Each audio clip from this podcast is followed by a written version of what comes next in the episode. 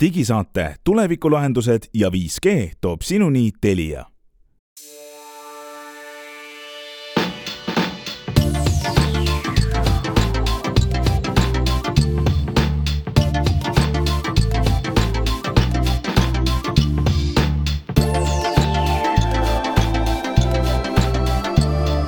tere, head kuulajad, kahekümne seitsmenda veebruari nimetu digisaade on teiega neljaliikmelise brigaadiga täna tööl. Kelleks on Glen Pilvre, Meelis Väljamäe, Henrik Roonemaa ja Hans Lõugas ja vaatame peale, mis meile viimasest nädalast on siin kõrva ja silma jäänud. alustame võib-olla sellest, miks on tohutu piduriplokk välja ilmunud äh, Smart-ID kasutamisel tuleb välja ja mobiil-ID kasutamisel. Äh, tuleb välja, et seal on peidetud üks lollakas viga, mida inimesed, kes mobiil-ID taotlevad, ei teagi. Äh, kas on hea mõte panna ai juturobot robotit kontrollima mis toimub Barcelona mobiilimessil, mida telekad öösiti teevad ja võib-olla jääb saate lõpus aega meie super eriliseks võrdlustesti uudiseks, mis on üllatus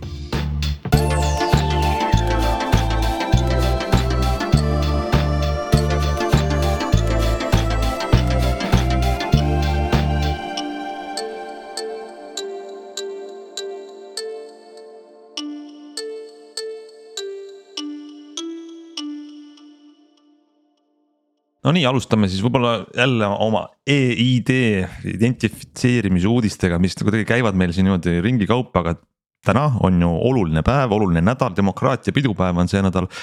Kogu nädala saab e-hääletada, demokraatia pidunädal on, tähendab ja loodan, et kõigil on äh, siis juba toiming tehtud või siis tegemisel ID-kaardiga või mobiil-ID-ga.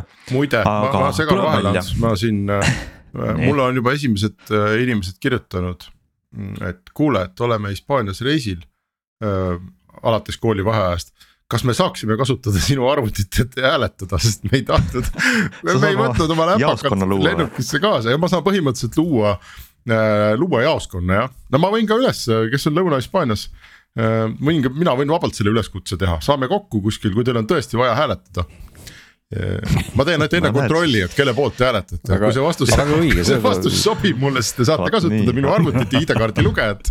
mis iganes teil vaja on ja siis äh, teeme ära.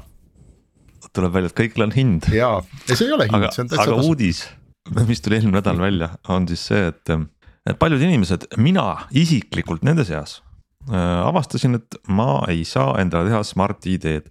ma olin äh, mingi kuu aega tagasi umbes niimoodi uuendan oma mobiil-ID-d just mõeldes ette sellele valimiste ajale ja igaks juhuks olgu mul olemas, ID-kaardiga ei taha ju, ei taha mõeldagi, et seda peaks hakkama installeerima.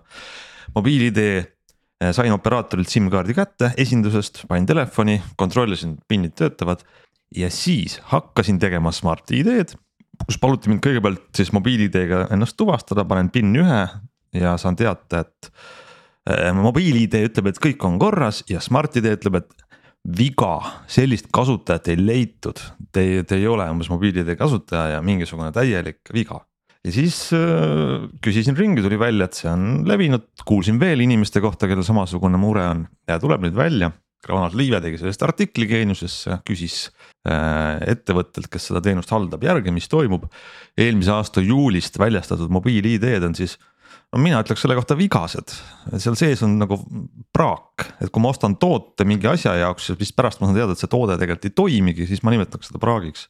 selle nagu natukene pisut keerukas lugu on taga, aga, aga siit tuleb välja, milles see praak seisneb, et eelmisest aastast sai siis hakata tegema online'is tellima mobiil-ID-d, et sa tellid näiteks mobiilioperaatori iseteenindusest, sul tuleb see SIM-kaart tuleb ümbrikuga koju, nii et noh, keegi sind nägupidi ei näegi ja selle nimetati siis online väljastuseks ja tuli välja, et ähm, vist seadusand-, Euroopa seadusandluse tingimustel. kui on niimoodi online'is väljastatud mobiil-ID sulle, siis see nagu ei ole piisavalt usaldusväärne. et selle mobiil-ID-ga ei saa sa teha endale Smart-ID kontot, sest muidu sa teed nagu endale online'is Smart-ID ja selle mobiil-ID oled ka saanud online'is ja keegi ei olegi näinud sinu näkku sulle vaadanud, et kas päriselt oled sina seal taga või keegi teine ta mul jooksis juhe kokku. mis on nagu loogiline. ma saan aru, praegu me saame, me salvestame, muide ma ütlen igaks juhuks, et me salvestame sellisel hommikupoolikul ajal, et. ma võib-olla ei ole veel ärganud päris, aga. sa tegid endale mobiil-ID, sa tegid uue SIM-kaardi põhimõtteliselt, said uue SIM-kaardi. just, just. ja, ja seetõttu, kui sul vana SIM-kaardi peal oli mobiil-ID, mis kehtis, siis nüüd uuega sa pead tegema justkui nagu uue eks, uue, uue mobiil-ID. uue Smart-ID teen. ja uue Smart-ID ka. just, tahan teha aga sa. tahan teha, ei saa teha okay.. ei no probleem ongi selles, et sinul on uus mobiil-ID, mis on siis väljastatud nüüd peale seda kuupäeva, mida sa ütlesid. selles mõttes, et see SIM-kaart on sul uus. sellest üle poole aasta siis järelikult. just. ja jah, et ehk, et kui sul oleks nüüd varasem varasem nii-öelda. vanad, vanad head mobiil-ID-d siis töötab kõik. ja, ja. ütleme viimase poole aasta jooksul tegelikult on nagu uba ju selles, et äh, Euroopa Liidu seadus, nagu ma aru saan, ei luba anda välja kahte virtuaalset dokumenti, mille puhul kummagi puhul ei ole inimest reaalselt nähtud. ja, aga see ei ole veel probleem, see on okei okay., olgu siis selline seadus jah, aga trikk on selles, mina ei tellinud seda iseteenindusest, ma käisin operaatori juures, mulle vaadati silma, kaks mm -hmm. töötajat veel nagu topelt verifitseerisid mm -hmm. mind ja nüüd ütleb SK selle kohta. jah, et vabandust, see on meie tegemata töö, me ei ole suutnud eristada, et kas see mobiil-ID on nagu see korralik, see tugev, kus keegi on mulle silma vaadanud ja mu ID-kaarti näinud või on see tellitud netist, et noh see on see probleem, et see ei ole isegi mingi seadusandluse probleem, lihtsalt see ettevõte väljastab. ei, ma arvan, et see on ikkagi seadusandluse probleem ka, ma saan aru, et, et, et kogu.... seadusandluse probleem on see selles mõttes, et kui, kui ikkagi nagu need, kui sa juhul, kui sa oled selle postika saanud ja ei ole läinud sinna esindusse, siis on igal juhul jama majas. no siis on juba, siis on sul poolik nii-öelda see mobiil. oota, aga kogu see jama sai alguse sellest, et me tegime mobiil-ID väljastamise inimesele mugavamaks, ma saan aru, et, et tegelikult enam ei pea yeah. minema kuhugi esindusse yeah., vaid sa võid tellida selle mobiil-ID-ga SIM-kaardi endale kuskilt ise yeah. mobiilioperaatori iseteenindusest, ma ei tea, mis ta siis tuleb postiga koju umbes või, vist, eks. Just. ja see aga on nagu lubatud, aga ma saan aru, et see Euroopa Liidu eeskiri ütleb, et kui sa oled ühe korra saanud endale identiteedi ilma oma nägu näitamata. ehk et tellid netist mobiili-ID, siis selle põhjal teist identiteeti ilma nägu näitamata Just. teha ei saa. kuule, aga oota, ma, ma küsin, minul hoopis nagu lühis tekib selle koha peal küsimises, et sa oled nüüd tellinud omale need mobiil-ID-d kõik ära. sinu ümbrik on nii-öelda riiulis valmis, see on juba kinnine ümbrik ja nüüd peaks ju sõltuma sellest, kui sa lähed järgi ja sulle vaadatakse otsa, siis see ümbriku sisu peab ju muutuma sobivaks. kui sa ei lähe järgi ja see pannakse posti, siis ümbriku sisu peaks teine olema. ei ole kinnist ümbrikku, sealt mulle väljastatakse üks nagu puhas toorik, antakse mulle, vaadatakse minu, minu ID-kaarti kaarti, mida ma näitan siis nagu oma käes hoian. Mm. ma saan aru, et jah, võib-olla ärrituma peaks ka selle üle, et meil nagu väljastatakse need üle, et ümbrikus saadetakse koju mobiil-ID-sid, mis tegelikult nagu ei olegi mobiil-ID, tuleb välja, et see ei olegi seaduse ees tegelikult sama jõuline isikutuvastusvahend, nagu me oleme arvanud, ma ei tea, viisteist aastat okei okay,, ma võiks sellele ärrituda, aga ma ärritun ainult, ma olen leebe inimene, heatahtlik, täna hommikul hea tuju.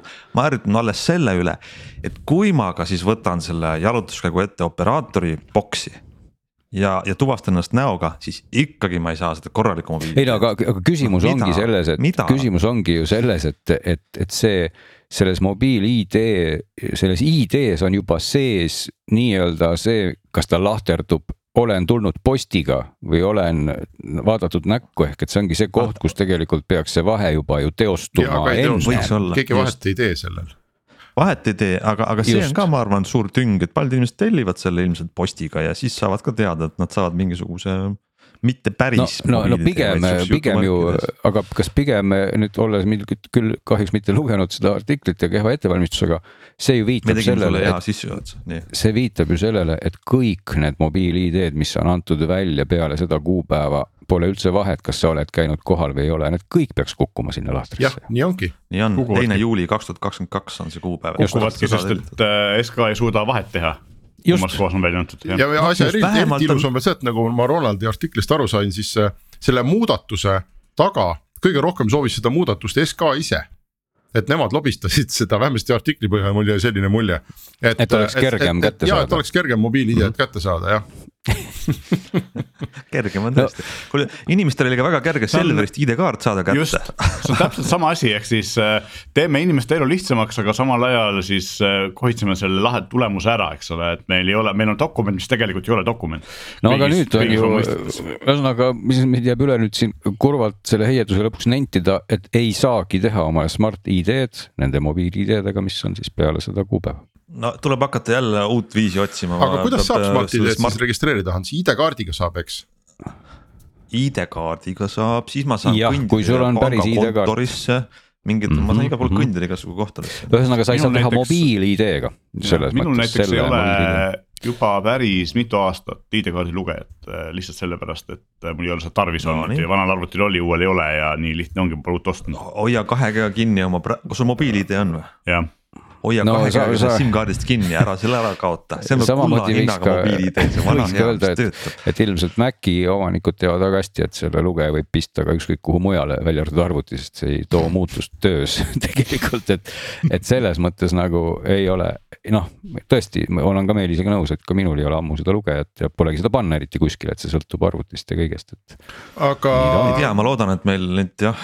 ma, ma tahtsin selle lõigu lõpuks ka äh, tõdeda, et mulle tundub, et meie palju kiidetud e-riigi mm, on kuidagi ära ajand-, ajanud või ärandanud mingisugused, mingid muud inimesed, kes ei ole nagu tehnoloogia inimesed või et.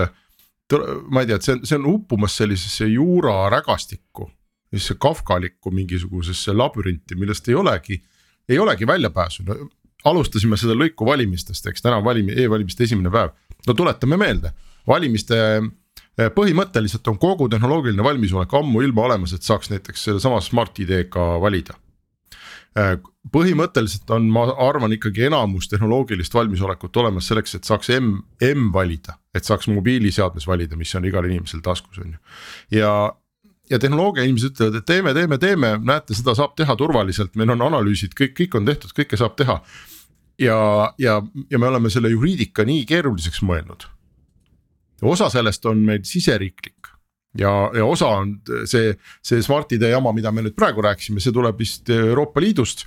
vähemasti seal on selline suur, suur äh, piibelseadus nimega EIDAS, mida kõiki äh, kõik. ei nojah, aga seda ei saa nüüd kindlasti. no aga siis on väga küsimus, kuidas me seda EIDAS tõlgendame, eks ole, ja, ja kus me siis olime, kui seda vastu võeti ja. ja, ja, ja noh, lõpuks tegelikult kõige lõpus on ju ikkagi küsimus, et meile on nüüd äh, avalikkuses presenteeritud äh, siin mõne kuu jooksul lõpmatu hulk variante sellest, kuidas asju ei saa teha. Kuidas me ei saa teha M-valimisi, kuidas me ei saa Smart-ID-ga äh, hääletada, kuidas me ei saa mugavamalt oma neid ID-kaarte, oli ID-kaarte vist Selverist kätte. me teame väga detailselt, kuidas me ei saa luua Hansuu näitel Smart-ID kontosid, eks ole. ja terve hulk igasuguseid asju on veel, mida me nüüd väga hästi avalikkuses teame, kuidas me ei saa aga ma arvan, me ei, me ei ole selleks äh, äh, palganud äh, inimesi maksumaksjatena oma riiki juhtima ja. Ja, ja me ei ole volitanud oma riiki tegema erafirmadega igasuguseid riigihankeid ja kokkuleppeid, et. et nad meile räägiks meie raha eest, kuidas me ei saa asju teha et meie kui kodanike soov on, on asju teha ja, ja nagu. ei, seda, seda küll, aga. kuulma mingeid lahendusi, kuidas me siis saame teha. aga ma, ma tahaks, ma tahaks sinna pika jutu peale ikkagi veel ikkagi öelda, et, et ma teeks nagu siinkohal vahe sisse, et see konkreetne asi praegu. see seadus või see punkt iseenesest, et sa pead mingit dokumenti siis tõesti minnes ennast nagu identifitseerima ja siis sellega saad sa teha järgmise dokumendi, kus sa ei pea ennast identifitseerima, see võib-olla ei tundugi väga, väga vale, las ta siis olla, aga, aga see viga on just nimelt selle koha peal, kus, kus siis kohalikud tegijad on ise teinud sellise, tulistanud endale jalga pehmelt öeldes. et see on ju see koht, kus peaks siis ütlema, et vaadake, et sellega me ei saa teha seda või mitte anda välja siis ühesõnaga ID-kaarti, millega noh, millega piltlikult öeldes sa juba ei saa teha järgmist asja, kui see on sellesama üksuse või nii-öelda noh. ehk et see, see ei ole nagu päris noh, et ma, ma nagu ei paneks siin päris ühte patta just seda seadusandluse poolt, et see ei ole nagu see, see põhipaha siin, see, see põhipaha on ikkagi see, et. et see lahendus on seal otsas jäänud täiesti poolikuks või on see jäänud kellelgi kahe silma vahele lihtsalt siin tegijatest. ei, sul on õigus, aga see on ka probleem, et me oleme siiski mm -hmm. mobiil-ID-d pidanud täiesti võrdseks ID-kaardiga elektroonilise isikutuvastuse allkirjastamise mõttes, täiesti võrdseks ja nüüd ja. tuleb välja, et me peame hakkama mõttes seda mudelit ümber hindama, et tegelikult tal on piirangud peal.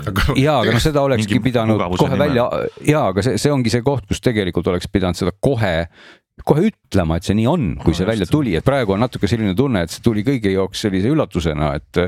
opa, tegime valmis ja nüüd äkki selgub, et on nii, et. aga vaadake, kui hea olukord meil on e-riigis tekkinud, meil on äh, osadel inimestel on nüüd ID-kaardid, mis äh, tegelikult ei ole ID-kaardid, need on need õnnetud, kes Selverist said. meil on osadel inimestel on, äh, on äh, riiklikult tunnustatud mobiil-ID, mis ei ole mobiil-ID. ja meil on ka samuti riiklikult tunnustatud digitaalidentiteerimis, identifitseerimisviis Smart-ID, mis nagu tegelikult lõpuni ei ole riiklikult tunnustatud ja lõpuni sa kõiki asju teha ei saa. valimised on üks näide, aga neid asju on veel mida ei saa Smart-ID, ID-ga teha, et on, on terve ports mingisuguseid riigiteenuseid, mida ei saa teha, nii et meil on nüüd täna on siis selline kolm lonkavat lahendust. Kui meil vanasti oli üks töötav, siis täna kolm lonkavat ja, ja, ja iga inimene peab väga täpselt nüüd äh, tegema endale sellise tabeli või panema kirja, et mis kuupäeval ta midagi kust sai. ja siis ise navigeerima seal ja aru saama, et, et mis tal siis nüüd töötab ja mis ei tööta ei, see on Lisaks... tõsi jah, sest siia, siia lahtrisse läheb ka väga hästi veel see vana hea siis ID-kaardi lugeja loomulikult, mis ka ju lonkab igalt poolt. no see ei ole õnneks, vaata tema kaitseks ma võin öelda, et see ei ole Nii, kunagi eriti hästi töötanud ja seal vist pigem, pigem on seal asjad paremaks läinud ajaga natukene kui halvemaks, aga. okei okay,, aga, aga see tõepoolest. ma ei tea, kas lähme edasi, see on nii masendav see jutt, saade algab siukest, mul ei olegi nagu ühtegi, ma tahaks ainult optimistlikult lõpetada. no aga, aga, aga optimistlik lõpetamine on ikka. valimisjaoskonda ja. jaa, aga, aga, aga põhimõtteliselt ikkagi Ants, sa saad ju oma asju ajada tegelikult mobiil-ID-ga sa ikkagi saad hakkama saan jah, aga see on ajas tagasi minek. seda küll, sul ei ole smart'i ideed lihtsalt. OnePlusi testtelefon, millest ma eelmine kord rääkisin ja ja seal mul on mobiil-ID, sest et ma lihtsalt ei hakanud sinna Smart-ID tegema, kuna pean seda kohe tagasi andma, siis ähm, olen seda kasutanud ja no ikka väga-väga palju ebamugavam oli kui Smart-ID, nii et äh, aeglasem, nupud on väiksemad, eks ole, kõik see asi on ähm,, on kuidagi kümme aastat tagasi jäänud seisma. ja muide no,, ärme üldse siin hakka veel Ansu tuju rikkuma teemaga, mille nimi on eSIM ja, ja, ja, ja, ja mobiil-ID-d. seal ei saa, seal ei saa kasutada niikuinii mobiil-ID-d no eSIM on üldse selline omaette tegelikult kategooria asjast, mis ähm, on nii poolik ja kummaline, kui veel olla saab, et see on nagu täiesti omaette pika saate teema, et seda me siin. ja, jah, no ärme siis sellest, sellest veel räägi, räägime mõnel järgmisel korral, sest kindlasti me sellest teemast veel räägime, mulle tundub. teeme nii kuulge, aga vaatame edasi, mida siis toob tänane saade pea püsirubriigis äh, chat GPT juturobotid, jutu ai-d ja ma saan aru, et ähm, kas Microsoftil oli mingisugune hulljulge mõte chat GPT-le uued tööülesanded anda? ja nad on avaldanud äh, oma sellises arendajatele või tehnoloogia inimestele mõeldud äh, nurgakeses oma, oma kodulehel artikli sellest, kuidas nad täitsa nüüd katsetavad ja tegelevad sellega et äh, chat-GPT, mis noh, millest me oleme siin ju mitmeid saateid rääkinud ja mis täna on selline ikkagi internetis elav juturobot, mis äh, võib sulle küll igasugu mõtteid pähe panna või, või igasugu asju rääkida. aga et tema käed sealt ikkagi seni välja ei ulatu internetist, on ju. siis Microsoft tegeleb nüüd päris aktiivselt sellega, et, äh, et võimaldada chat-GPT kaudu juhtida roboteid. ja mitte tarkvaralisi roboteid, vaid päris füüsilisi roboteid mis teevad füüsilises maailmas füüsilisi asju.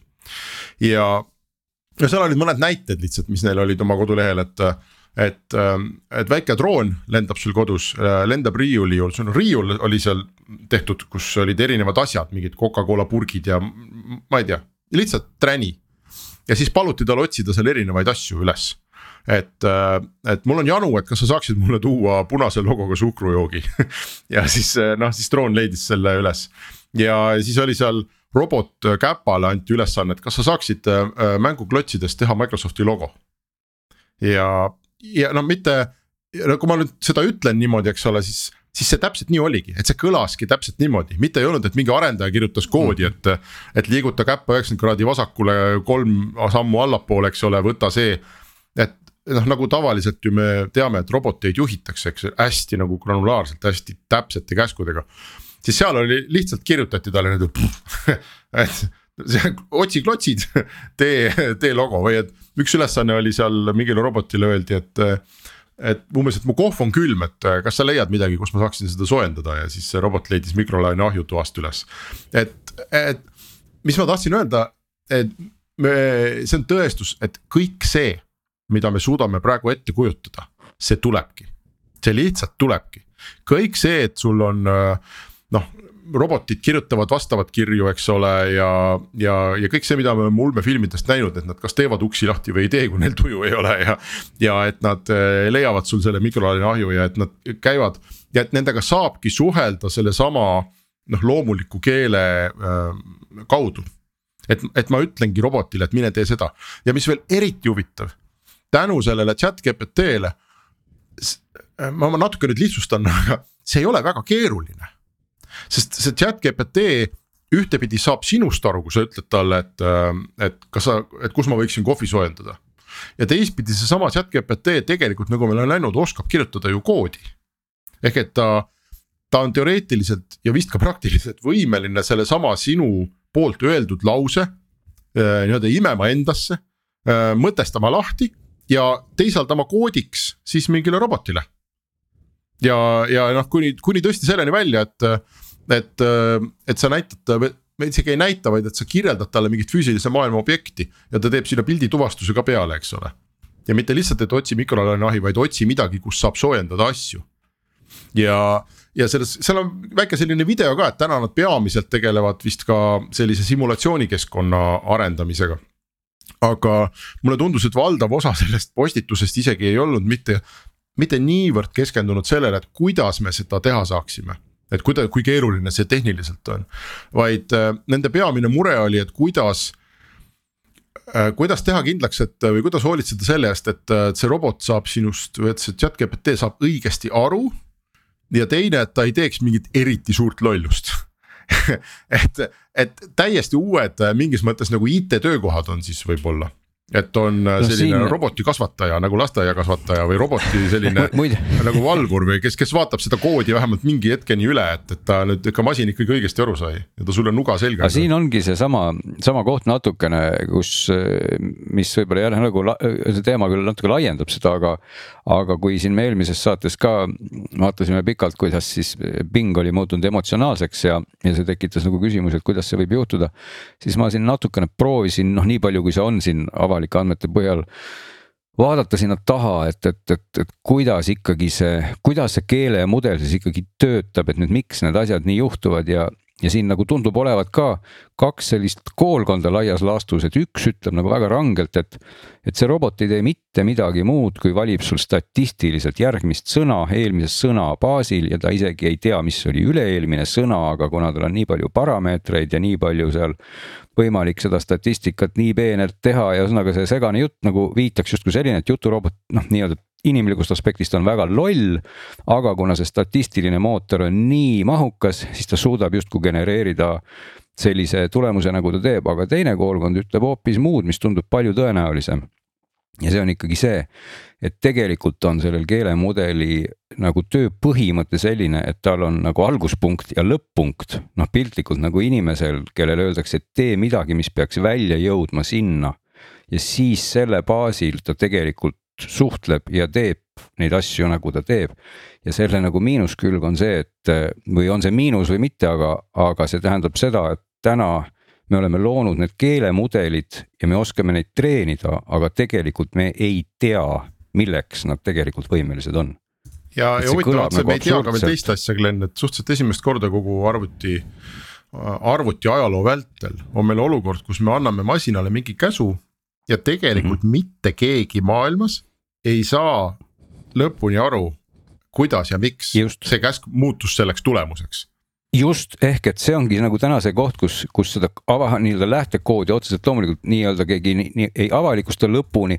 aga siin on teine aspekt veel, et võib-olla isegi kui see avalikustuks, siis sellest ei selguks see lõpptulemus. ei selgu, jah, ei selgu jah, ja, ja võib-olla see ongi õige see, et äh, kui ta on keeleõppemudel, tähendab, see on treenitud olemasoleva tekstikorpuse põhjal siis sellega see tema, ta ei jõua kunagi, et see tarkvara valmis seisundisse, eks. et see on mm -hmm. nagu Hendrik ütles, et see ongi see roll, et see õpe peab jätkuma ka siis interaktsioonis kasutajaga, eks see, see on päris realistlik väljavaade, et meil on need kasvatajad või õpetajad. kes äh, teevad temaga siis nagu inimlikult normaalseks peetavat suhtlust, interaktsiooni, et, et ei lähe hulluks või siis panevad, annavad talle tagasisidet, kui seal läheb hulluks, mis on tegelikult õppemeetod, on ju et see on päris töökoht võib-olla ja kui seal chat GPT-l on väga palju nagu praegu viimased nagu, kuidas öelda mm, prognoos või selline tõenäoline arengusuund on see, et nad lähevad väga nišidesse, et sul on oma see keeleõppemudel, mis tegeleb näiteks, ma ei tea eh,. laohoones mingisuguse laorobotite juhtimisega selle näite põhjal mis on väga mm -hmm. spetsiifiliselt, tunneb selle valdkonna eripära või siis mingi teadusvaldkond või mehaanika või inseneeria no,. ja sul on selles aga... valdkonnas oma õpetaja, kes sõna otseses mõttes käsi kõrval veab teda edasi, et ta nagu ei teeks lolle vigu. sest muudes asjades on ta inimesest lihtsalt nii palju kiirem, et ta, ta juba oskab ja parem, aga teda on vaja nagu hoida seal õiges suunas. ja seda küll jah, ega see ja teistpidi ikkagi tähendab see, et ei ole üldse võimatu, võib-olla isegi pigem võimalik neid arenguid vaadates.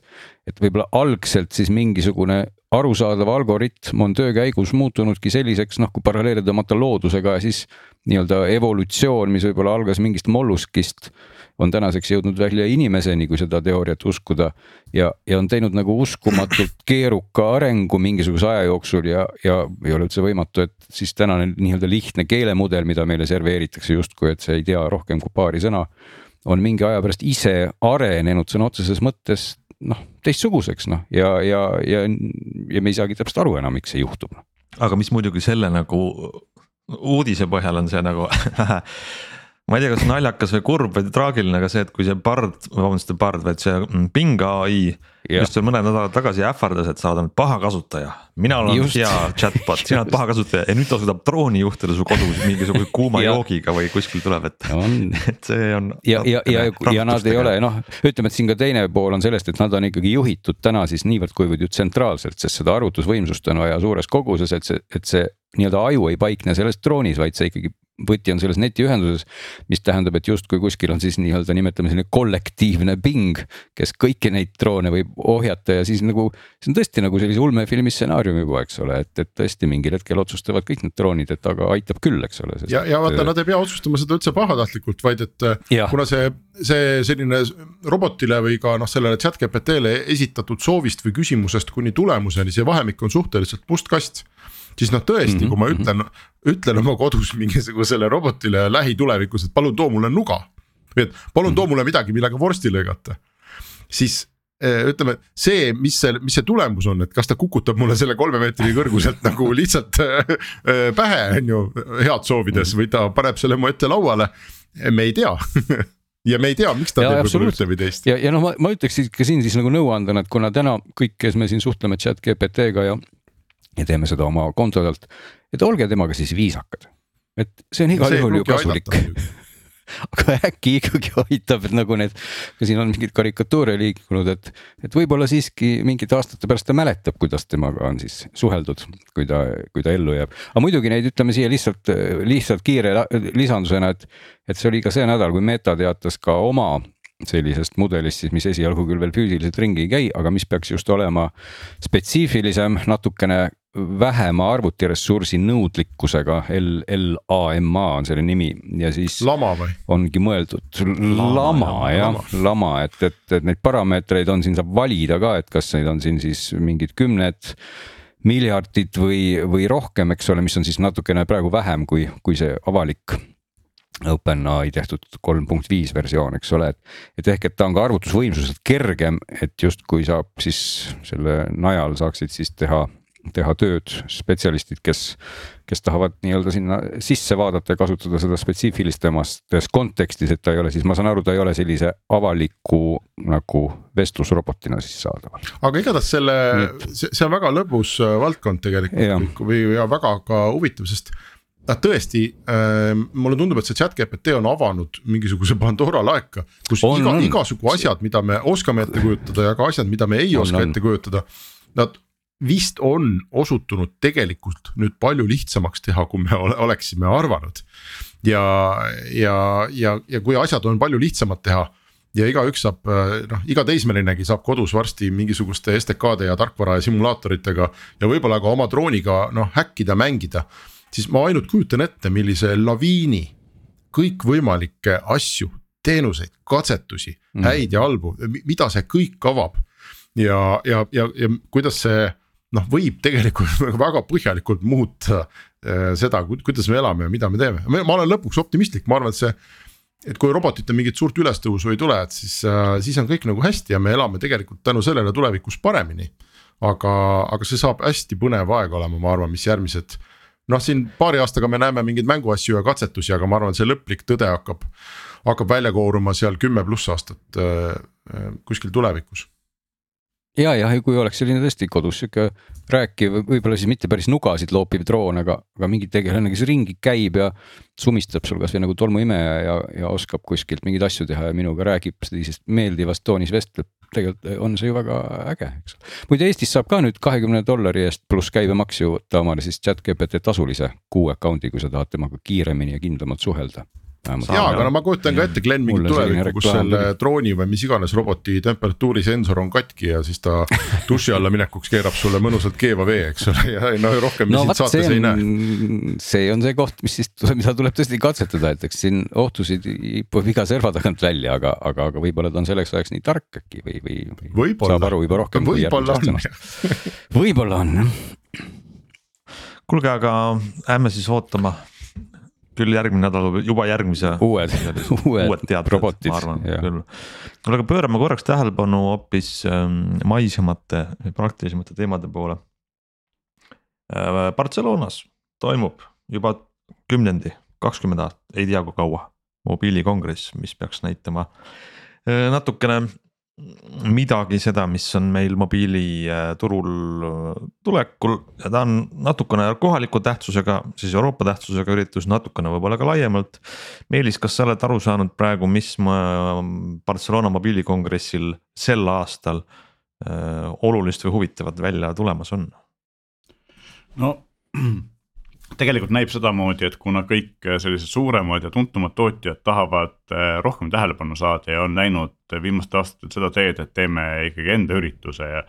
Samsung on oma lipulaevad juba välja kuulutanud, järgmine suurem asi tuleb neil sügisel ja noh, Apple'i telefonid tulevad nagunii sügisel ja siin ka teised eh, sellised tuntumad tootjad sinna väga enam vähemalt niimoodi oma tava, tavakasutajatoodetega väga kohale ei lähe, siis siis on jäänud nagu selliseks Hiina või väiksemate tootjate show'ks ja põhiasi, mida no, mina ootan, on see, et äh, Xiaomi, kes küll ei näita seal midagi väga otseselt uut, sest nende kolmteist seeriaks selle aasta mudelid on Hiinas juba müügil, aga siis me saame seal teada selle, et millal me saame neist siit meie kandist osta, mis nende Euroopa hinnad tegelikult on, et seal on nagu huvitavaid mudeleid. et see on nagu saanud Hiina tootjate Euroopa messiks, mida nad, mida nad Euroopasse toovad? Need Hiina tootjad, kellel ei ole nagu soovi või, või finantsi teha ise mingit eraldi üritust, noh Huawei kunagi tegi, aga Huawei enam ei, ei ole siin meie turul eriti nii, nii kõva tegija, eks ole, et, et tal, neil oleks mõistlik seda teha. siis Xiaomi nagu põhiline, kes, mis mind huvitab, sest et nemad ikkagi on siin ka Eesti turul täiesti aktiivselt olemas ja, ja seal on nagu huvitavaid tooteid, mida noh, tasuks jälgida ja seal on ka teisi, et noh, Honor on, eks ole, kes peaks näitama uusi telefone ja mina ei ole Honori seadmeid äh, ise väga pikalt kasutada saanud, Glen on, eks ole, et minu arust neil on pidevalt see probleem, et kuigi nad on selline tundub igatipidi niimoodi, et nad on sihuke Huawei varjatud projekt Euroopa turul edasi olemiseks, siis.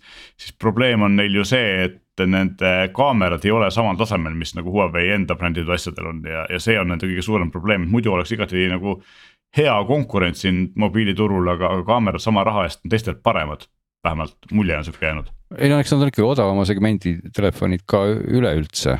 noh, selles mõttes nad ei, nad ei ole seal, seal nii tipus, kui, kui ikkagi Huawei enda tippmudelid on, aga jah, see nimekiri tõesti, ega siin ka just lasin ka pilgu üle, et ega teistelt suurtelt nimedelt peale Oppo, OnePlusi, eks ole, Huawei, Xiaomi ja Samsung ka natukene noh, et ja. need võiks seal nagu et, olla, aga, aga, aga mõlemal on just tipp. OnePlus just ei ole ka midagi nagu näitab mingit kontseptsiooni, eks ole, aga ta ei näita, tal ju kõik uued asjad on juba ära tulnud, eks no. ja just. Äh, Realme näitab midagi, mis on siis Oppo teine tütarfirma lisaks OnePlusile ja noh, Tecno väidetavalt näitab äh, pain-, volditavat telefoni, et. Äh, ei no aga Honor ka, Honor toob ikkagi Euroopasse enda oma volditava telefoni huvitav, mis et, selle no, nii-öelda hinnaklass saab olema, sest et noh, Honor odava brändina võiks, võiks siis näidata, et kas odav, need volditavad telefonid jõuavad kuskile odavamasse hinnaklassi ka või no ikka tuhat viissada pluss eurot. no nad on ikkagi siin, need lihtsamad odavad telefonid on praegu juba alla tuhande, aga, aga selles mõttes jah, et et, et ongi, et noh, kui ma just, kus ma just ütlesin, et, et Tecno näitab äh, uusi telefone, siis tegemist on väga suure firmaga, millest Euroopas mitte keegi midagi ei tea, sest et nende äh, äri toimub praktiliselt ainult, ainult Aafrikas, eks ole, kus nad väga populaarsed on. ja noh, ZT väidetavalt näitab mingisuguseid klaase või prille, virtuaalreaalsuse prille jah. Mhm. ja noh, ülejäänud asjad on tegelikult sellised, mis, mis tegelikult seal, seal toimub, ehk siis niimoodi business to business äri, et kõik Eri-, Ericssonid, Nokiad ja muud äh, firmad üritavad seal oma 5G asju teistele operaatoritele maha müüa ja, ja noh, üks asi, mida võib seal näha, võib-olla on see, et näidatakse äkki siis neid äh, Qualcomm'i ja, ja Mediateki äh, satelliit Messenger'i äh, asju, mis, äh, mis nad siis Apple'ile vastukaoluks üritavad siin teha, et ja sügisel Androidile tuua, et võib-olla sealt on nagu rohkem näha, kui nad CES-il näitasid. aga jah, sellist. pead silmas neid nii-öelda hädaabisõnumite kanalit just või, või ja, ja ma saan aru, et seal lisaks hädaabisõnumitele tulevad ikkagi sellised kuumaksulised päris sõnumite saatmise võimalused ka, aga seal see hind on suhteliselt kallis ja sõnumite arv on suhteliselt piiratud, aga aga nagu see mõist-, mõte on ikkagi see, et lisaks hädaabisõnumitele siis me kas, saame kasutada ka seda, et kuule, ma olen nüüd siin, tule siia sel juhul, kui sul ei ole muud võrku peale satelliidi, eks. võib-olla tuleb ka uudiseid kosmosest, ma vaatan, seal on paneel Samsungi ZT ja Euroopa Kosmoseagentuuri poolt siis pealkirjaga räägime 6G-st. nii et võib-olla tähendab see, et hädaabisõnum võiks liikuda otse, otse läbi kosmose siis sinna, kui vaja. just no nii, aga. järgmine nädal me võib-olla saame ja. sellest juba rääkida siis yeah.. nii on. Nii äh, veel üks praktiline teema kodudesse, meie kodudes kipuvad ringi käima uut sorti kodukäijad. ja Henrik, sina oled ühega siis tegelenud, et sul on öösel hakkab tulema mingeid hääli või? kuulen öösiti hääli jah, et on vaja ennast voodist välja ajada kell kolm, kell neli. sest äh, mul siin paar korda nüüd on juhtunud, et telekas on hakanud ise keset ööd mängima. ja see on päris, seal on mitmeid huvitavaid põhjuseid, miks see võib juhtuda, me võime sellest rääkida. aga, aga lihtsalt ma tahtsin nagu markeerida, et see on selline probleemina, see on väga huvitav ja selline uuelaadne asi, mitte nüüd tuliuus, seda on juhtunud kindlasti inimestel aastaid ja aastaid, aga. aga ka üks asi ikkagi, millega kahekümne esimese sajandi inimene peab pistma rinda, et telekas hakkab ise keset ööd mängima. ja ma arvan, et valdavalt, ma usun, on selle probleemi põhjuseks äh, see, mille nimi on HDMI CC või HDMI Z, KEK või ZETS või mis iganes, kuidas seda yeah. nimetatakse, kuidas seda nimetatakse. mis, äh, mis on põhimõtteliselt siis tehnoloogia, et äh, need igasugu vidinad ja pudinad, mis sul HDMI-ga teleri küljes on, ma ei tea, mängukonsoolid, Google mingid Chromecast'id, digibox'id, mida me kõik sinna paneme. et neil on voli ja õigus ja võime panna telekas ise käima. kui nad noh, tavaliselt siis, siis kui sa selle seadme enda sisse lülitad. no näiteks, kui sul on, ma ei tea, mul on Nintendo Switch seal, eks ole, siis mõte on selles, et kui ma selle Nintendo sisse lülitan, siis ma ei pea hakkama kuskilt veel mm -hmm. telekapulti otsima eraldi, et telekat ka lülitada. vaid see Switch teeb seda ise, automaatselt. ja no kui ta töötab, siis ta töötab, eks ju, töötab hästi, jah ja see muide on ka lahe teistpidi minu arust töötab hästi, et kui ma saan, kui Playstation töötab, ma saan telekapuldiga Äh, Playstationi seal kasutajaliideses teha valikuid mm. -hmm. mis on ja. väga mõnus, aga, aga mis siis öösiti juhtub? aga no vot, mis, mis öösiti juhtub, on, see on ammu juba kuulda olnud ka Eestis inimestest, kellel ähm, operaatori umbes digiboks on teinud öösel tarkvara uuenduse ja pärast tarkvara uuendust teinud restardi pärast restarti lülitanud ennast sisse, tõmmanud kaasa loomulikult ka teleka ja inimesed ärkavad üles selle peale, et. et keegi räägib elutoas, eks ja noh, minul oli, ma arvan et äh, minu probleemi põhjustas äh, Google Chromecast või Google TV ehk sisuliselt siis äh, Google'i digibox, ma arvan ma ei tea, mul on seal mõned seadmed veel küljes, aga no nemad olid pigem nagu suhteliselt rahumeelsed, et tõenäoliselt. mis võis juhtuda, oli see, et see Chromecast tegi kas endale tarkvara uuenduse või mingile äpile või mis, mis iganes asja. tegi endale restardi, eks ole, ja tõmbas teleka käima ja telekas mängib.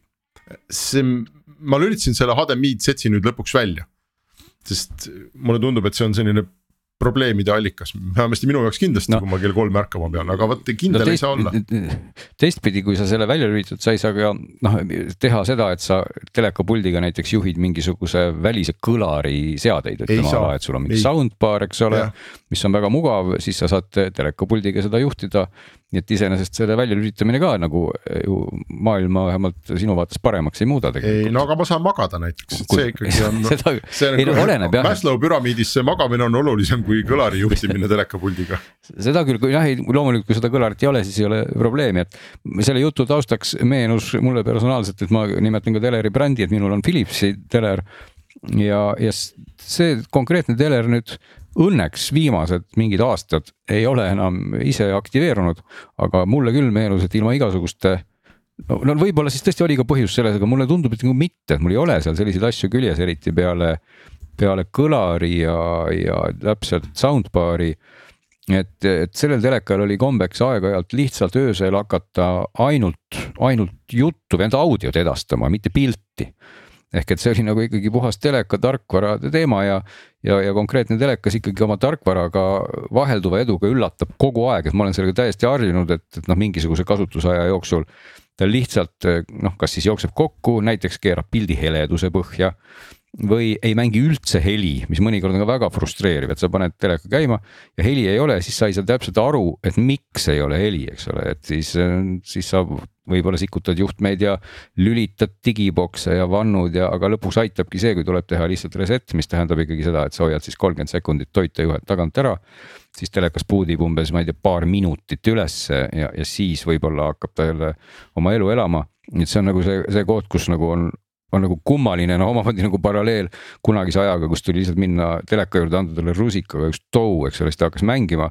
tänapäeval nagu telekas on põhimõtteliselt täpselt samasugune, et lihtsalt noh, tal on mingid asjad, mis ei toimi, sa lihtsalt pead ootama, pead tegema reset'i ja sa peadki seda nagu kannatlikult võtma, sest sellel ilmselt ei olegi mingit mõistlikku lahendust, et seal sees on ka juba mingisugune null versioon null koma üks chat GPT elab seal sees, kes kes teeb mingeid oma asju ja aeg-ajalt ta siis hakkab käima öösel või ei hakka.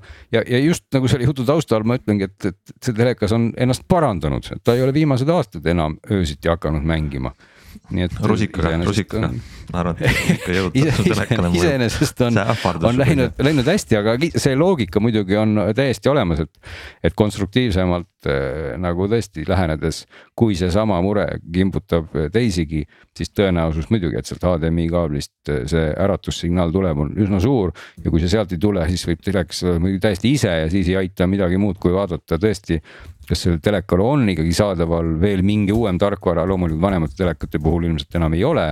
aga, aga, aga seda, seda tasub alati vaadata, et kas tänapäeva telekas võiks olla, kui ta ei ole pidevalt netis, siis võiks sinna panna kindlasti mingil ajal ikkagi netijuhtme taha ja, ja, ja selgitada, kas, kas on tarkvara uus või siis mingi USB pulgaga seal asjatada, et, et kuidas, kuidas tootjale tasub seda vaadata, et see võib mõned probleemid lahendada siin on ka ja, täpselt vastupidine asi. võib ka vastupidine olla.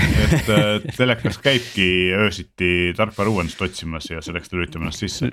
et äh, tegelikult, kui ta normaalselt seda teeb, siis ta ei tohiks teha ei häält ega panna ekraani peale, vaid ta lihtsalt just, nagu just.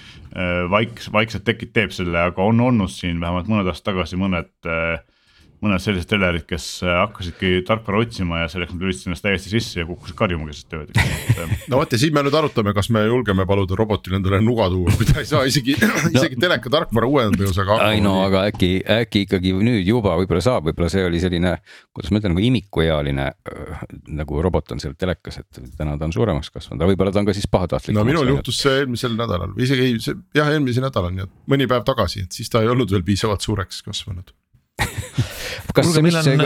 ma, ma küsin ikkagi ära ka, et mis on, mis teleka brändiga sul on ka tegu, ega juhtumisi Philips või midagi muud? ei, see on see üks kuulus hiinlane, Hisense ahah, okei okay., et, et ta otseselt nagu ikkagi ainult selleks, ainult brändi ei saa siis nagu süüdistada võib. ma ei tea, ma võin ka süüdistada Hisense'i, kui sa oled kasu. ei no, ei ma ütlen, et, et siis järelikult ei ole nii, et see juhtub ainult Philipsiga. ja selles mõttes küll ja, ja juhtub ka teistega siis ikkagi. jah no., kuulge, mulle tundub, et meil täna on aega veel üks teema avada oled sa selles kindel või? Äh, no me ei pea no, võib-olla sinna sukelduma nii väga sügavalt sisse. räägime tunnikese kauem täna jah loodan, et see tegelikult me võib-olla arutame, kas seda üldse on vaja rääkida, nõu, sobiv rääkida ei, siin saates. ei no tegelikult noh, ütleme, et ära. rääkida võib-olla ikkagi võib, aga, aga ma, mina nagu kahtlustan, et sellest meil on ikkagi palju rääkida, ma vaatasin seda kokkuvõtet lihtsalt, mis ma tegin ja, ja, ja suurt testi ja ja see läks nagu hirmuäratavalt äh, pikaks no aga võib-olla siis teeme täna alguse ja siis äh,, aga, aga ei räägi tundi, vaid räägime lihtsalt lühidalt, miks me üldse arutame niimoodi niisuguse fantoomteema üle Glen on, ma saan aru, teinud kõvasti tööd kuuma õhu fritüüridega, on mul õigus?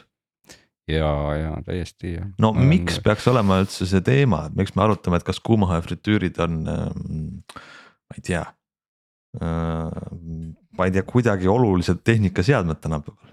no hull haip ja turundus on... käib, selles, sellepärast me räägimegi, ma arvan, et. ei no üheksa, üheksa ma... meie saate kuulajat kümnest on äh, mõelnud, et peaks vist äh, endale kuuma õhu fritüüri ostma, et kõik räägivad sellest no aga esiteks tegemist on ju söögiga ja tea, teadupärast söömist on ikkagi aeg-ajalt vaja korraldada, et ja see on seade, millega saab teha hästi süüa muide. ja, ja see sellest kõik ju algabki, et et noh, kuidas ma nüüd nagu kuidagi võib-olla alguseks tahaks kokku võtta, siis töö põhimõttelt on ju tegemist iseenesest hästi primitiivse lahendusega mis, mis ei ole siis muud kui seda, et, et kui tavaline ahi noh, piltlikult küpsetab ikkagi suures osas ka siis ma julgeks väita küll, mitte otseselt teadlasena, et ka infrapunakiirgusega või nagu kuumusega, mis, mis kiirgab, et need ahjuküljed on nagu kuumad, see ahjus on loomulikult ka õhk kuum. aga, aga see õhk ju ei liigu seal oluliselt, eks ole, mis tähendab seda, et et, et kui nüüd nii-öelda õhku luubiga vaadata, siis seal võib-olla jahedama toidu kohal on see õhk nagu natukene jahedam kui seal võib-olla mõni kümnendik millimeeter eemal mis tegelikult nagu tähendab seda, et, et, et see, see küpsemisprotsess on siis selle võrra nagu aeglasem, seal on ilmselt mingid teised füüsikalised muutused leiavad aset, aga kui sa seda õhku seal hirmsa hooga puhud, noh siis on piltlikult sama, sama tunne, nagu sa läheksid õue. ja seal on võib-olla null kraadi, aga, aga tuul puhub äh, kolmkümmend meetrit sekundis ja siis me räägime ju siuksest mõistest nagu tuu, tuulekülm, eks ole, tegelikult kuumahüfritüüris valitseb tuulekuumus kogu aeg ja aga..., ja tegelikult see tuulekuumus ongi iseenesest siis hästi kuum õhk, mis kogu aeg väga suure hooga selle, selle küpsetise kohal muutub ja tegelikult siis nii-öelda kuumust jagabki siis sellele, sellele produktile okay. seal mitte niivõrd see kiirgus, aga just see õhk aga kui me räägime veel sellest, miks see teema oluline on, kas keegi oskab selgitada, sest mul on, minu jaoks on kõige märgilisem oli artikkel, mis ma lugesin Eesti Ekspressist jaanuaris, mis Mart Silivask äh, kirjutab, et kuidas aastal tuhat üheksasada üheksakümmend kuus. Mhm. kui Eesti keskmine palk oli kolm tuhat krooni, tema ema, ema läks Võru tehnikapoodi ja ostis kahe tuhande kolmesaja krooni eest air grill'i ja siis küpsetasid seal viinereid ja kanakoibi ja nii edasi. nüüd on möödas, ma ei tea, kolmkümmend aastat või kakskümmend viis aastat, keskmine palk on kaks tuhat eurot ja nüüd on uus uudis, need grillid on tagasi, et kas kellelgi on mingi varjatud kampaania? ma ei tea äh,, kuidas need avastati? ma, ma ei, vaat see on selles mõttes tõesti hea küsimus, et mina ka ei tea, kaua need on olnud olemas, aga ma pean tunnistama, et, et minul personaalselt seda ei ole olnud olemas ja, ja inimesed ikkagi enamasti on, ajavad ju asju niimoodi, et, et kui sul pannakse kööki mingit mööblit omale, siis sa paned sinna traditsioonilise pliidi, milles on traditsiooniline ahi. mõnel nendest ahjudest on ka ju loomulikult taga nii-öelda ventilaator, mis, mis no, tõepoolest ja mis tekitab ka mingisuguse õhuvoolu, aga, aga see õhuvool ei ole nii, nii intensiivne, see, see õhuvool on nagu laisem natukene. Meelis, sa tead midagi nende tulekust või? aga, midagi aga, tean jah no., et ma ei tea, kus nad alguse said või kas see oli tõesti tõsi, et kakskümmend aastat tagasi sellised asjad eksisteerisid. minu arust eksisteerisid mina küll. mina ei on... ole näinud, ehk siis selles mõttes päriselt sellest hetkest, selleks hetkeks. mina olen nagu selles äris sees olnud praeguseks kakskümmend viis aastat ja mina nägin seda ikkagi sellist masinat esimest korda noh, ma ei tea, võib-olla viis aastat tagasi või siis, kui Philips esimesena ta Eesti turule tõid. ehk siis varem mina ei ole poodide riiulitel sellist toodet näinud. nii et okay, võib-olla aeti midagi segamini. taastulekust, ehk siis Philips aga... tõi selle Eestisse mingi hetk ja siis ja, hakkasid kõik tootma. aga hakkasid kõik tootma ja praeguseks noh, tegelikult uh, USA turul hakkas see enne pihta ja seal on, olid tootjaid hoopis teised tootjad on seal turul, eks ole, mm. -hmm. ja nemad tegid äh, neid asju natukene odavamalt ja natukene teist, noh teistmoodi, aga, aga jah, juba varem. aga meil ta jah, on ikkagi sihuke viimase viie aasta teema ja, ja noh, see on, äh, ma olen nõus sellega, et, et selle taga on väga palju ikkagi tugevat turundusrusikat, eks ole, et, et kas meil seda tegelikult vaja on, see on omaette küsimus. aga tal on ka eeliseid, eks, et äh, esimene eelis ongi see, millest siin praegu või mida need kõik need Airfryeri tootjad tegelikult nagu pasundavad, on see, et ta võtab vähem voolu, eks mitte sellepärast, et see äh, kütteelement seal nagu reaalselt vähem patte võtaks, vaid ta võtab neid patte vähem aja jooksul, kuna sa saad, kuna ta väiksem, kompaktsem kuju, sa saad selle toidu kiiremini mm. valmis kui ahjus. sa ei pea nii palju ette mm. kuumutama, eks ole, ahju sa paned kümme, kakskümmend minutit varem yeah. kuumutama ja siis lõpuks paned toidu sisse, eks ole, sellega seda probleemi ei ole. lisaks on see, et sa saad seal teha ikkagi asju, mida sa ahjus tihti teha ei saa. on olemas kas kolm ühes seadmed, mis sul ka aurutavad ja, ja grillivad lisaks sellele, et nad siis nagu nii-öelda klassikaliselt küpsetavad. ja noh näiteks mina proovisin ühte Tehvali seadet, kolm ühes seadet, mis aurutas üsna hästi, aga seal oli ka lubatud juhendis ja, ja retseptiraamatus, et ta teeb kooki ja no me proovisime teha seda kooki ja mina sealt kooki ei saanudki, et.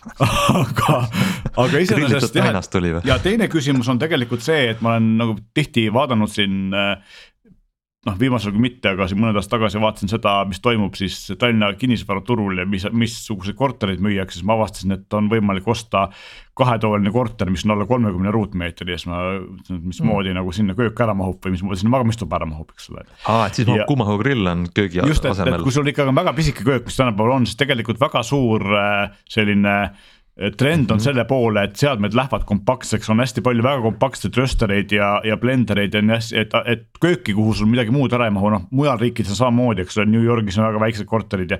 et, et tegelikult sellisesse kohta, kuhu sul ahi ei mahu, selle ahju asemel sa saad ja noh, mõned inimesed näiteks, neile ei meeldi, mina olen suur mikrolaineahju fänn asjade soojendamiseks, aga. on inimesi, kellele mikrolaineahi ei meeldi mingitel põhjustel ja, või ei ole ruumi selle jaoks, siis äh, tegelikult see airfryer teeb ära siis nii ahju kui mikrolaineahju töö selles mõttes, et ta soojendab suhteliselt kiiresti kiiresti ilma rasvata asjad üles, eks ole. et selle asemel, et panna, panna see eilne kartul panni peale õli sisse, kui sul mikrolaineahju ei ole, siis sa paned ta sinna kuumaõhu fritüüri no,. ja, ja ongi nagu,, kui sul on väike nii. pere, kui sa elad üksi-kahekesi, siis tegelikult väga, väga hea. ja teine asi on see, et ta on ka veidi siiski turvalisem, näiteks kui sul on väiksed lapsed tulevad koolist koju ja sa ise oled tööl. ja nad tahavad sul midagi süüa teha, siis sa lihtsalt äh, ahju kasutamine on, kuumaõhu kasutamine ohtlikum kui selle kuumaõhu fritüüri kasutamine, et see on. kõrvetada siis ei ole võimalik ennast. on võimalik ikka, aga lihtsalt need pinnad on väiksemad ja, ja see pütt on nii-öelda, sa, sa ei puutu nende kütteelementidega nii tõenäoliselt kokku kui ahjus, eks ole, et, seal on, noh, on, on nagu eeliseid ja lisaks see, eks ole jah, et. et samamoodi nagu ahjus sul ikkagi äh, läheb vaja üsna vähe või, või üldse mitte rasva, eks ole, et see on ka tegelikult point. aga minu arust on seal ka päris suur vahe, Glen oskab öelda, kindlasti ta on nüüd rohkem neid proovinud. on päris suur vahe ikkagi selles, et kas ostan endale saja eurose või kolmesaja, neljasaja eurose masina, et seal need äh, omadused ja kuidas need ventilaatorid töötavad, kuidas need kütteelemendid on ehitatud, on, äh, on erinevad ja tulemus on ka ikkagi päris, päris nagu sõltub sellest. vot see on nüüd see koht, kus ma, ma ei tea, siin otseselt kohe vastu hakkaks vaidlema, et ma ütleks muidugi esiteks see ruumi koha pealt rääkides tegelikult nad on, nad on suured kastid, eriti need, mis siis äh, ühildavad endas rohkem funktsionaalsust nagu. mis mulle ka väga meeldis, seesama Auruti kombinatsiooniga konkreetne Defal on tegelikult väga äge aga nad on ikkagi hoomamatult suur, et, et kui sul, kui sul juba köögis on olemas elektripliit, sul võib tekkida küsimus, et, et kas sul on ikkagi seda vaja, aga kui sul on see koht selleks olemas, eh, no nii ja naa, noh, ega ma olen ka ikkagi vaadanud, et sealt tuleb tegelikult väga hea tulemus välja ja me ei viitsi oma selle suure ahjuga üldse möllata. et aga, aga nende enda suurusele vaatamata on nende see nii-öelda maht või, või kapatsiteet või capacity suhteliselt äh, väike, et, et sa ei saa ikkagi sinna sellist noh, niisugust vanaema sinna niisugust traditsioonilist piparkoogiplaati sisse ei lükka, eks ole, et, et need kopsikud on seal keskmiselt nihuke paarkümmend korda, paarkümmend natuke rohkem, olenevalt mudelist. et ikkagi noh, nad on ikkagi suhteliselt tillukesed, et sinna mahutad küll ära sellise kõhnemat sorti grillkana, eks ole. et, et see on võimalik, aga sa ei saa seda täis tuupida ikkagi nagu piltlikult maast laeni, sest et see õhk peab seal ka ringlema.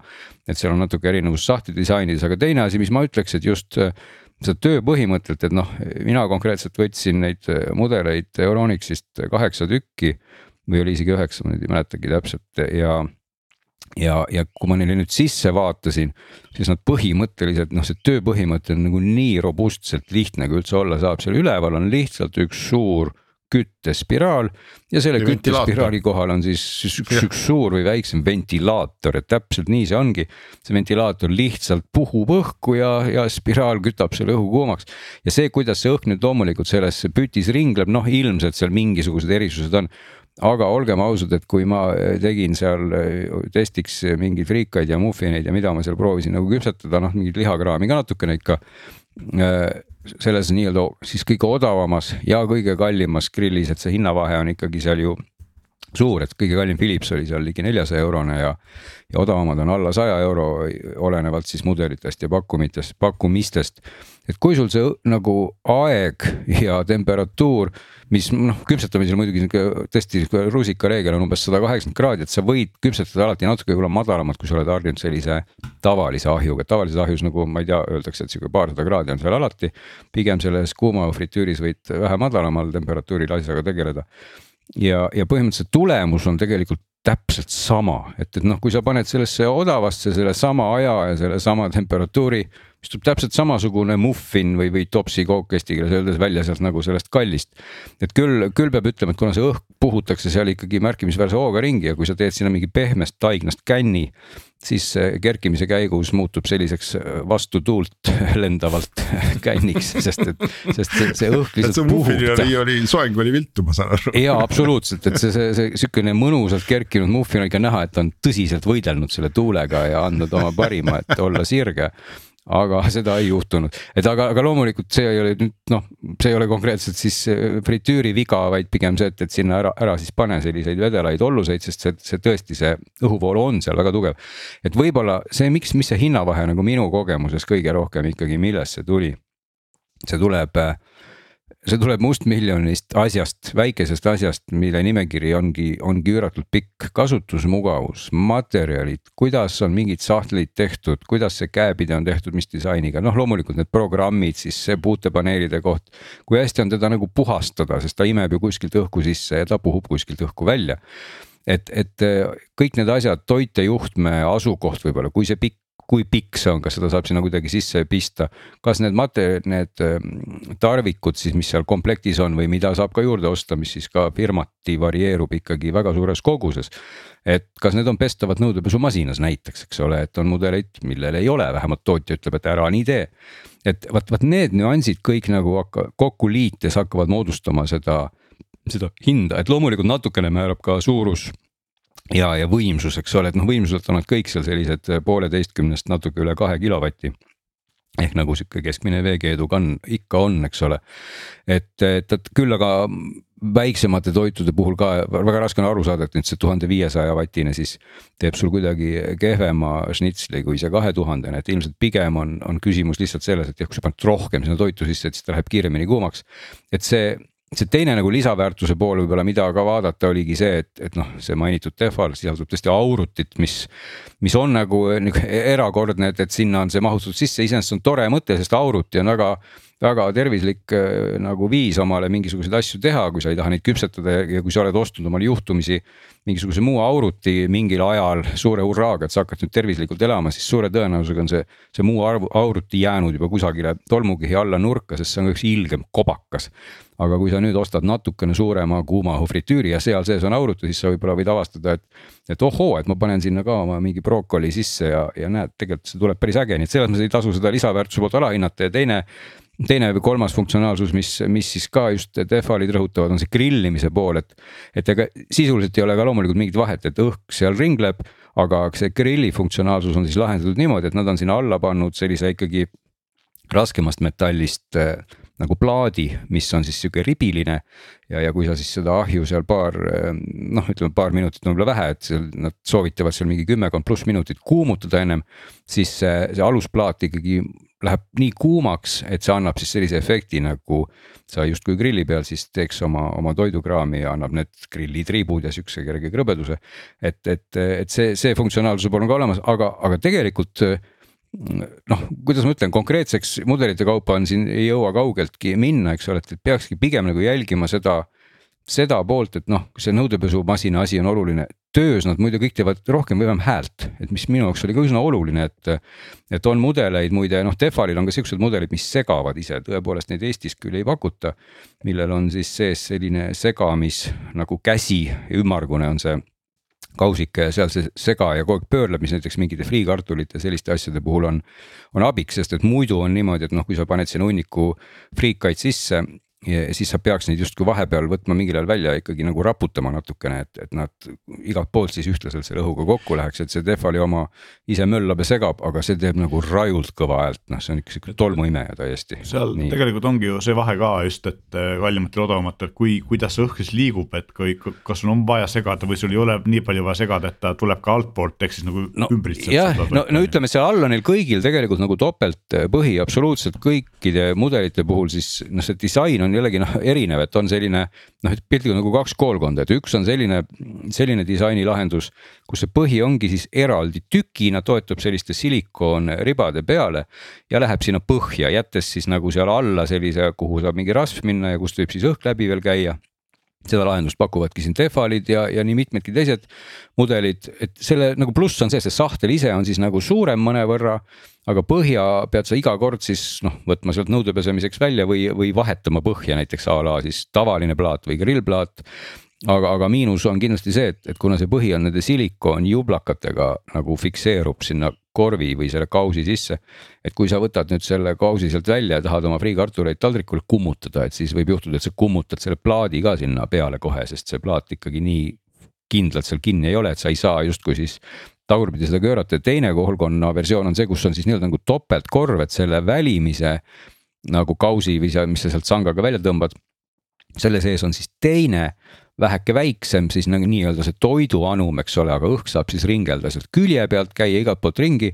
et iseenesest see nagu on mõnes mõttes ka lollikindlam lahendus, aga ta, ta omakorda on noh välisest mõõtutult suurem sisemõõtult väiksem ja seal üks asi, millega jälle kindlasti pidi arvestama, et mul nagu vedas, et ma kohe seda ära ei lõhkunud töö käigus. ja, ja, ja siin selgus, et seda on nii mitmedki inimesed lausa poest teinud proovides. ehk et kui sa võtad selle, tõmbad oma selle sahtli sealt nüüd välja ja hoiad seda õhus ja siis selleks, et saada seda sisemist korvi selle selle välimise seest kätte, mida sul muidugi ei ole üldse vaja teha, kui sa toitu kallutad, sa võid sealt oma friikartulit kallutada loomulikult välja koos selle kogu selle kobakaga, mis sa sealt välja tõstsid. aga kui sa tahad seda nii-öelda sisemist korvi välimisest välja võtta, siis on kääbide peal, peal üks nupp.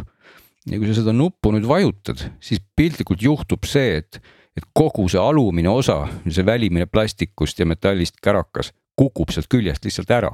See on nagu mõeldud nii, et sa oled siis laua peal, vajutad seda nuppu ja nüüd tõstad siis selle sisemise ehituse või konstruktsiooni sellest välimisest välja, aga noh, loll kasutaja loomulikult tõstab selle korvi õhku. vajutab seda nuppu ja siis ehmatab ja kisab, sest see kukub tal noh halvemal juhul põrandale kohe sealt küljest, eks ole, sest see raske asi lihtsalt kukub sealt alt ära.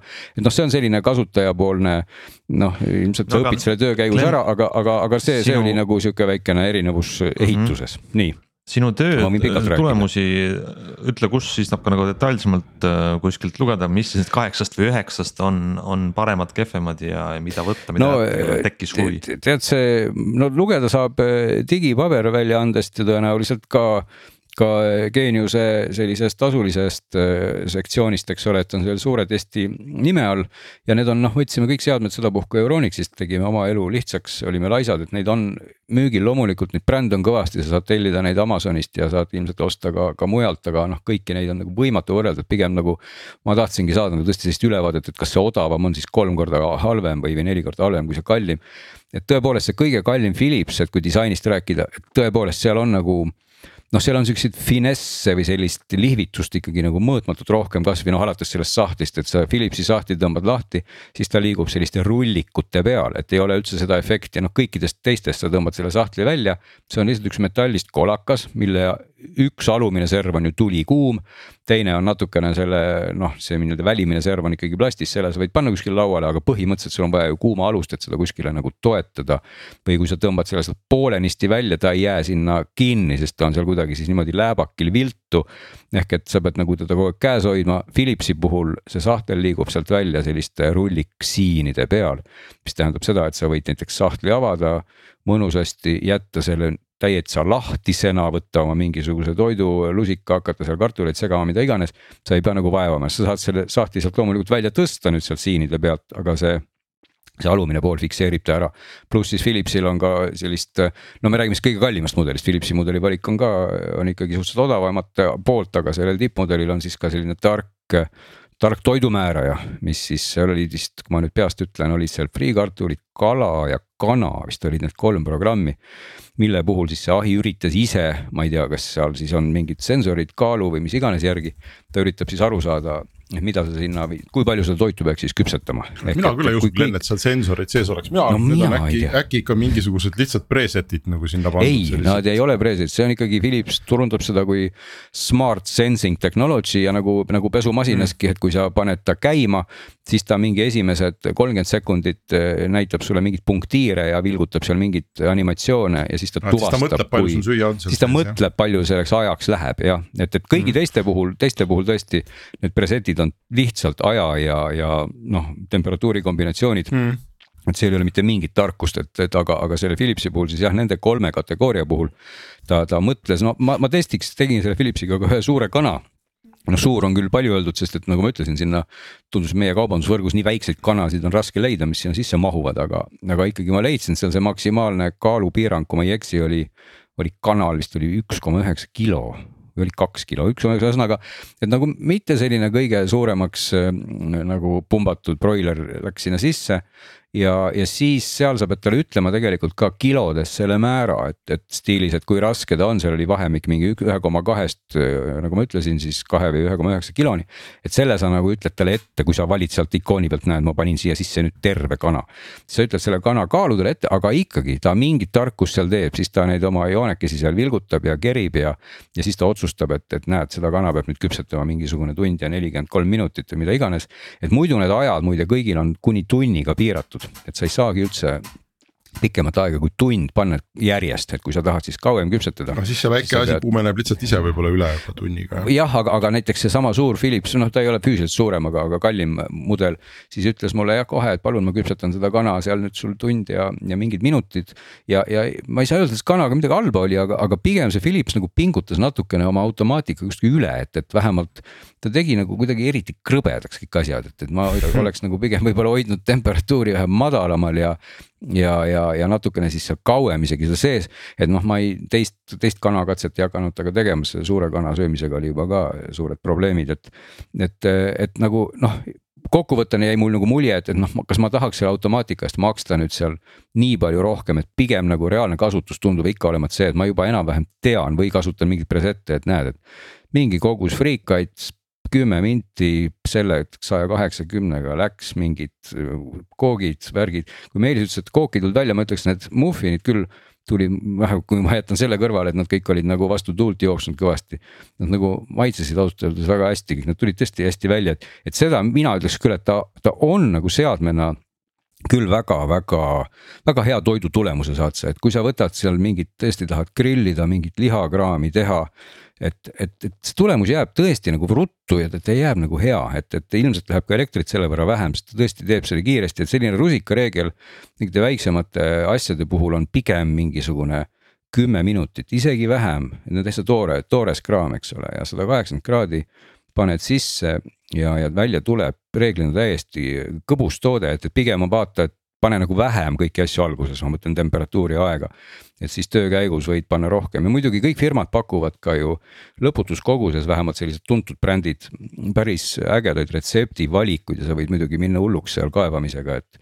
et kui sa oled selline kokandushuviline, et mis ja kuidas teha ja noh, Philips pakub ka väga suures osas igast tarvikuid seal mingid grillvarded ja mingid värgid, nii et noh.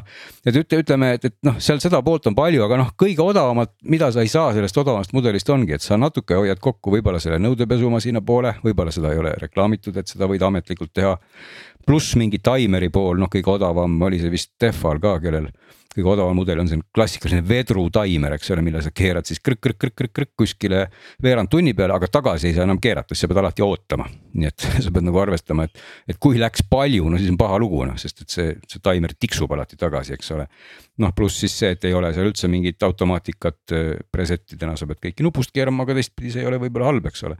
ja noh, muidugi mingil määral suurus mõjub, et, et odavamad mudelid on pisemad, et sinna ei mahu võib-olla üldse mingisugune suurem elukas sisse, eks ole, et sa pead sellega nagu arvestama ja muidugi siis see, kui kõva häält ta teeb, et noh, mõned hääled mõõtsin ka tõesti lõpuks kõik üle, et nad, nad puhisevad väga erinevalt, et mõni ikka undab kõvasti. ja no mõni mudel, need olid just Stollarid, mis, mis töö käigus kogu aeg piiksusid, ehk et kui, kui ma vajutasin nuppe, selles mõttes mitte töö käigus, kui ta küpsetas, ta ei piiksunud. aga kui sa midagi seal seadistasid, siis absoluutselt igat vajutust saatis umbes selline heli, no mitte umbes, vaid täpselt selline heli, et toit sai valmis noh ehk et, et põhimõtteliselt, kui sa sellega köögis möllasid, siis eh, halvemal juhul ka naabrid kuulasid, et, et Stollar on jälle nagu tööle pandud. Et, et need olid, nad olid nii kõvad piiksud, sa keerasid seda temperatuuri valiku nuppu ja siis käis sihuke morsekood piltlikult öeldes noh, ta iga, igal vajutusega ta tegi kõva piiksu. no ja kust tuleb see kuum õhk välja, muidu see on ka nihuke oluline pool, et kindlasti ei tohi seda panna kusagile kusagile riiuli sügavusse, sest ta puhub sealt tagant välja ikkagi noh, mõned mudelid rohkem, mõned vähem, aga ikkagi arvestatavalt seda, seda kuuma õhku, et ega see sinna kõik sisse ei jää. ja selle kuuma õhuga koos tuleb ka muidu auru üksjagu, nii et, et kui te olete pannud kusagile sellise asja alla, kus siis on kitsas, kitsas avavus, siis sa võid avastada, et see piltlikult vettib läbi ja halvemal juhul noh, kas ta just põlema läheb, aga see kindlasti mingi tervislik ei ole, ei ole, et panna ta kuskile kitsastesse oludesse, nii et. et selle asukohaga pead ka nagu vaatama, nii et ma ütlen neid aspekte nagu, aspekte nagu miljon ja olen saanud spetsialistiks jälle, et võib sellel alal nagu pikalt rääkida, aga. aga kokkuvõte on see, et ta on äge asi, et ja muidu ma vaatasin siin natuke seal ajalugu ka, kui me alguses juba sellest rääkisime, et see seade kui selline leiutati juba kaheksakümmend aastat tagasi. aga siis ta justkui jäi kuskile varjusurma ja siis kahe tuhandendate alguses oli mingi Hollandi mees, kes avastas ta justkui uuesti, et, et nüüd saab ikkagi sellega teha asju ja siis ma ei tea, kas ta siis patenteeris või tegi mingisuguse ventilaatori sinna, mis siis väga hästi puhus. ja siis läksid veel mõned aastad mööda ja see oli siis umbes kaks tuhat kümme või sealkandis, kus siis Philips vaatas, et, et selle Hollandi mehe ventilaator ja, ja mingi kaheksakümmend aastat tagasi leiutatud mingisugune põhimõte sobivad jube hästi kokku. Ja siis Philips tegi sellest siis esimesena sellise personaalse versiooni et see oli siis mingi, ma ei tea, kas viisteist aastat või sinnakanti tagasi, nii et. noh, siis seletab natuke ka seda uut tulekut seal. jah, et see nagu on. mina muide tegin, ma millalgi täitsa mõtlesin, et kas ma peaks hankima selle ja, ja. Ma, ma ei teinud küll praktilist äh, sellist uurimistööd nagu Glen on teinud, aga ma tegin päris kõva teoreetilise uurimustöö ja siis mm -hmm. lõpuks otsustasin ei, ei kasuks.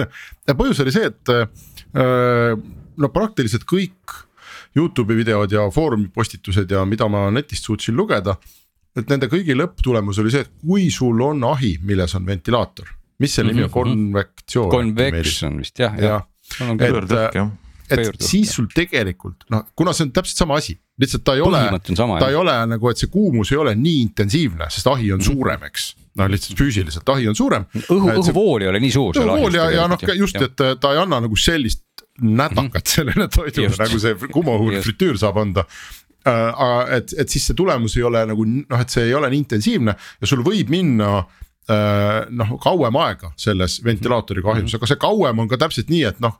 kümne asemel läheb kaheksateist näiteks minutit või midagi sellist. aga, aga vaat seal, seal nagu ongi. kümme minutit ja tund vahe, et. just, et ma veel segan kohe kohe vahele, et, et see, see vahe on ka selles, et see tavaline ahi on see siis pluss või miinus, on nagu oluliselt suurem, eks, et kuna see, see fritüüri, see ruumala on tegelikult väga väike ja see kütteelement, see spiraal seal üleval on põhimõtteliselt sama lai kui see sahtel ise.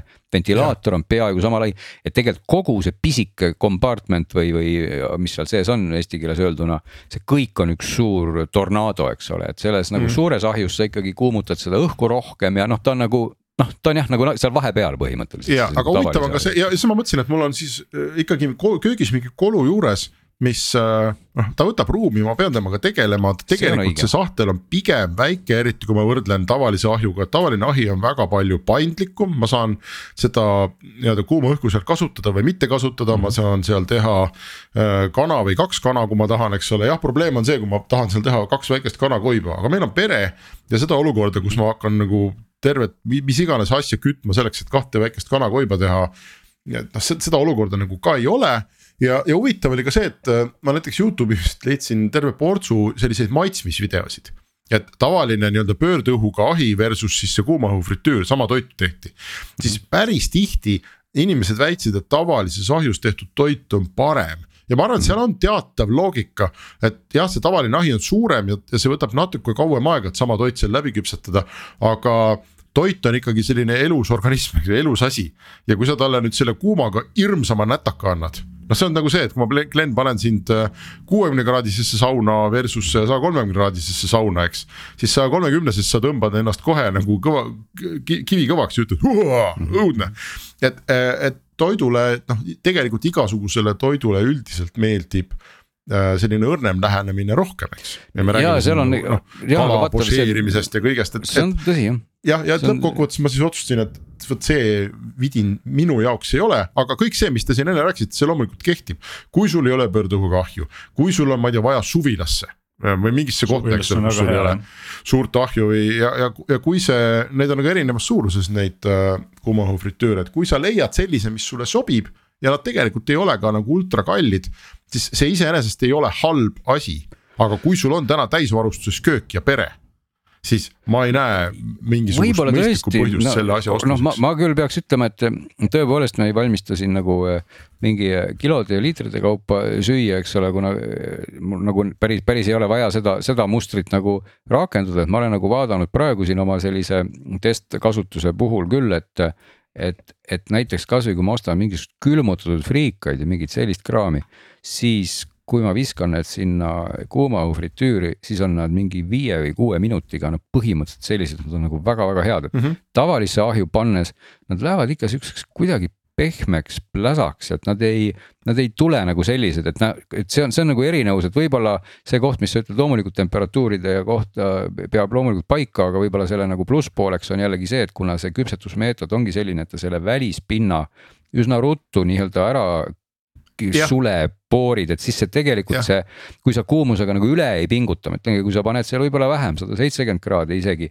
et ta tegelikult saab päris hea tulemuse, kuna see asi jääb nagu seest nagu sihuke mahlane, et, et tavalise ahjuga. ja, ei ma olen nõus, sest et ta ikkagi no. ta, ta teeb selle reaktsiooni väga kiiresti, et ta te,. ta teeb sellest nagu väljast väga ruttu ära. ära just on ju. aga, aga no teine nagu... meie, mul oli ka lõpuks oli äh, valemis oli see arvutus, et ma ei tee ülemäära tihti toite mida ma tahaks, mille mida ma hindaks selle järgi, kas ta on krõbe et ei, ei, me teeme igast erinevaid ja kui mul ja, nagu menüü ja. oleks selline, et ma õudselt mm, -hmm. et ma teengi näiteks tihti neid äh, külmutatud friikaid näiteks või ma teen mm -hmm. tihti mis iganes muid asju, mis on, mis, mille mõte on olla krõbe ja mõnus, on ju siis ma võib-olla jälle kaaluks, aga me, meie peres ka nagu pigem seda ei tee ja siis, kui aeg-ajalt keegi hakkab vinguma, et ta tahab friikaid, noh siis on võimalik minna välja ja.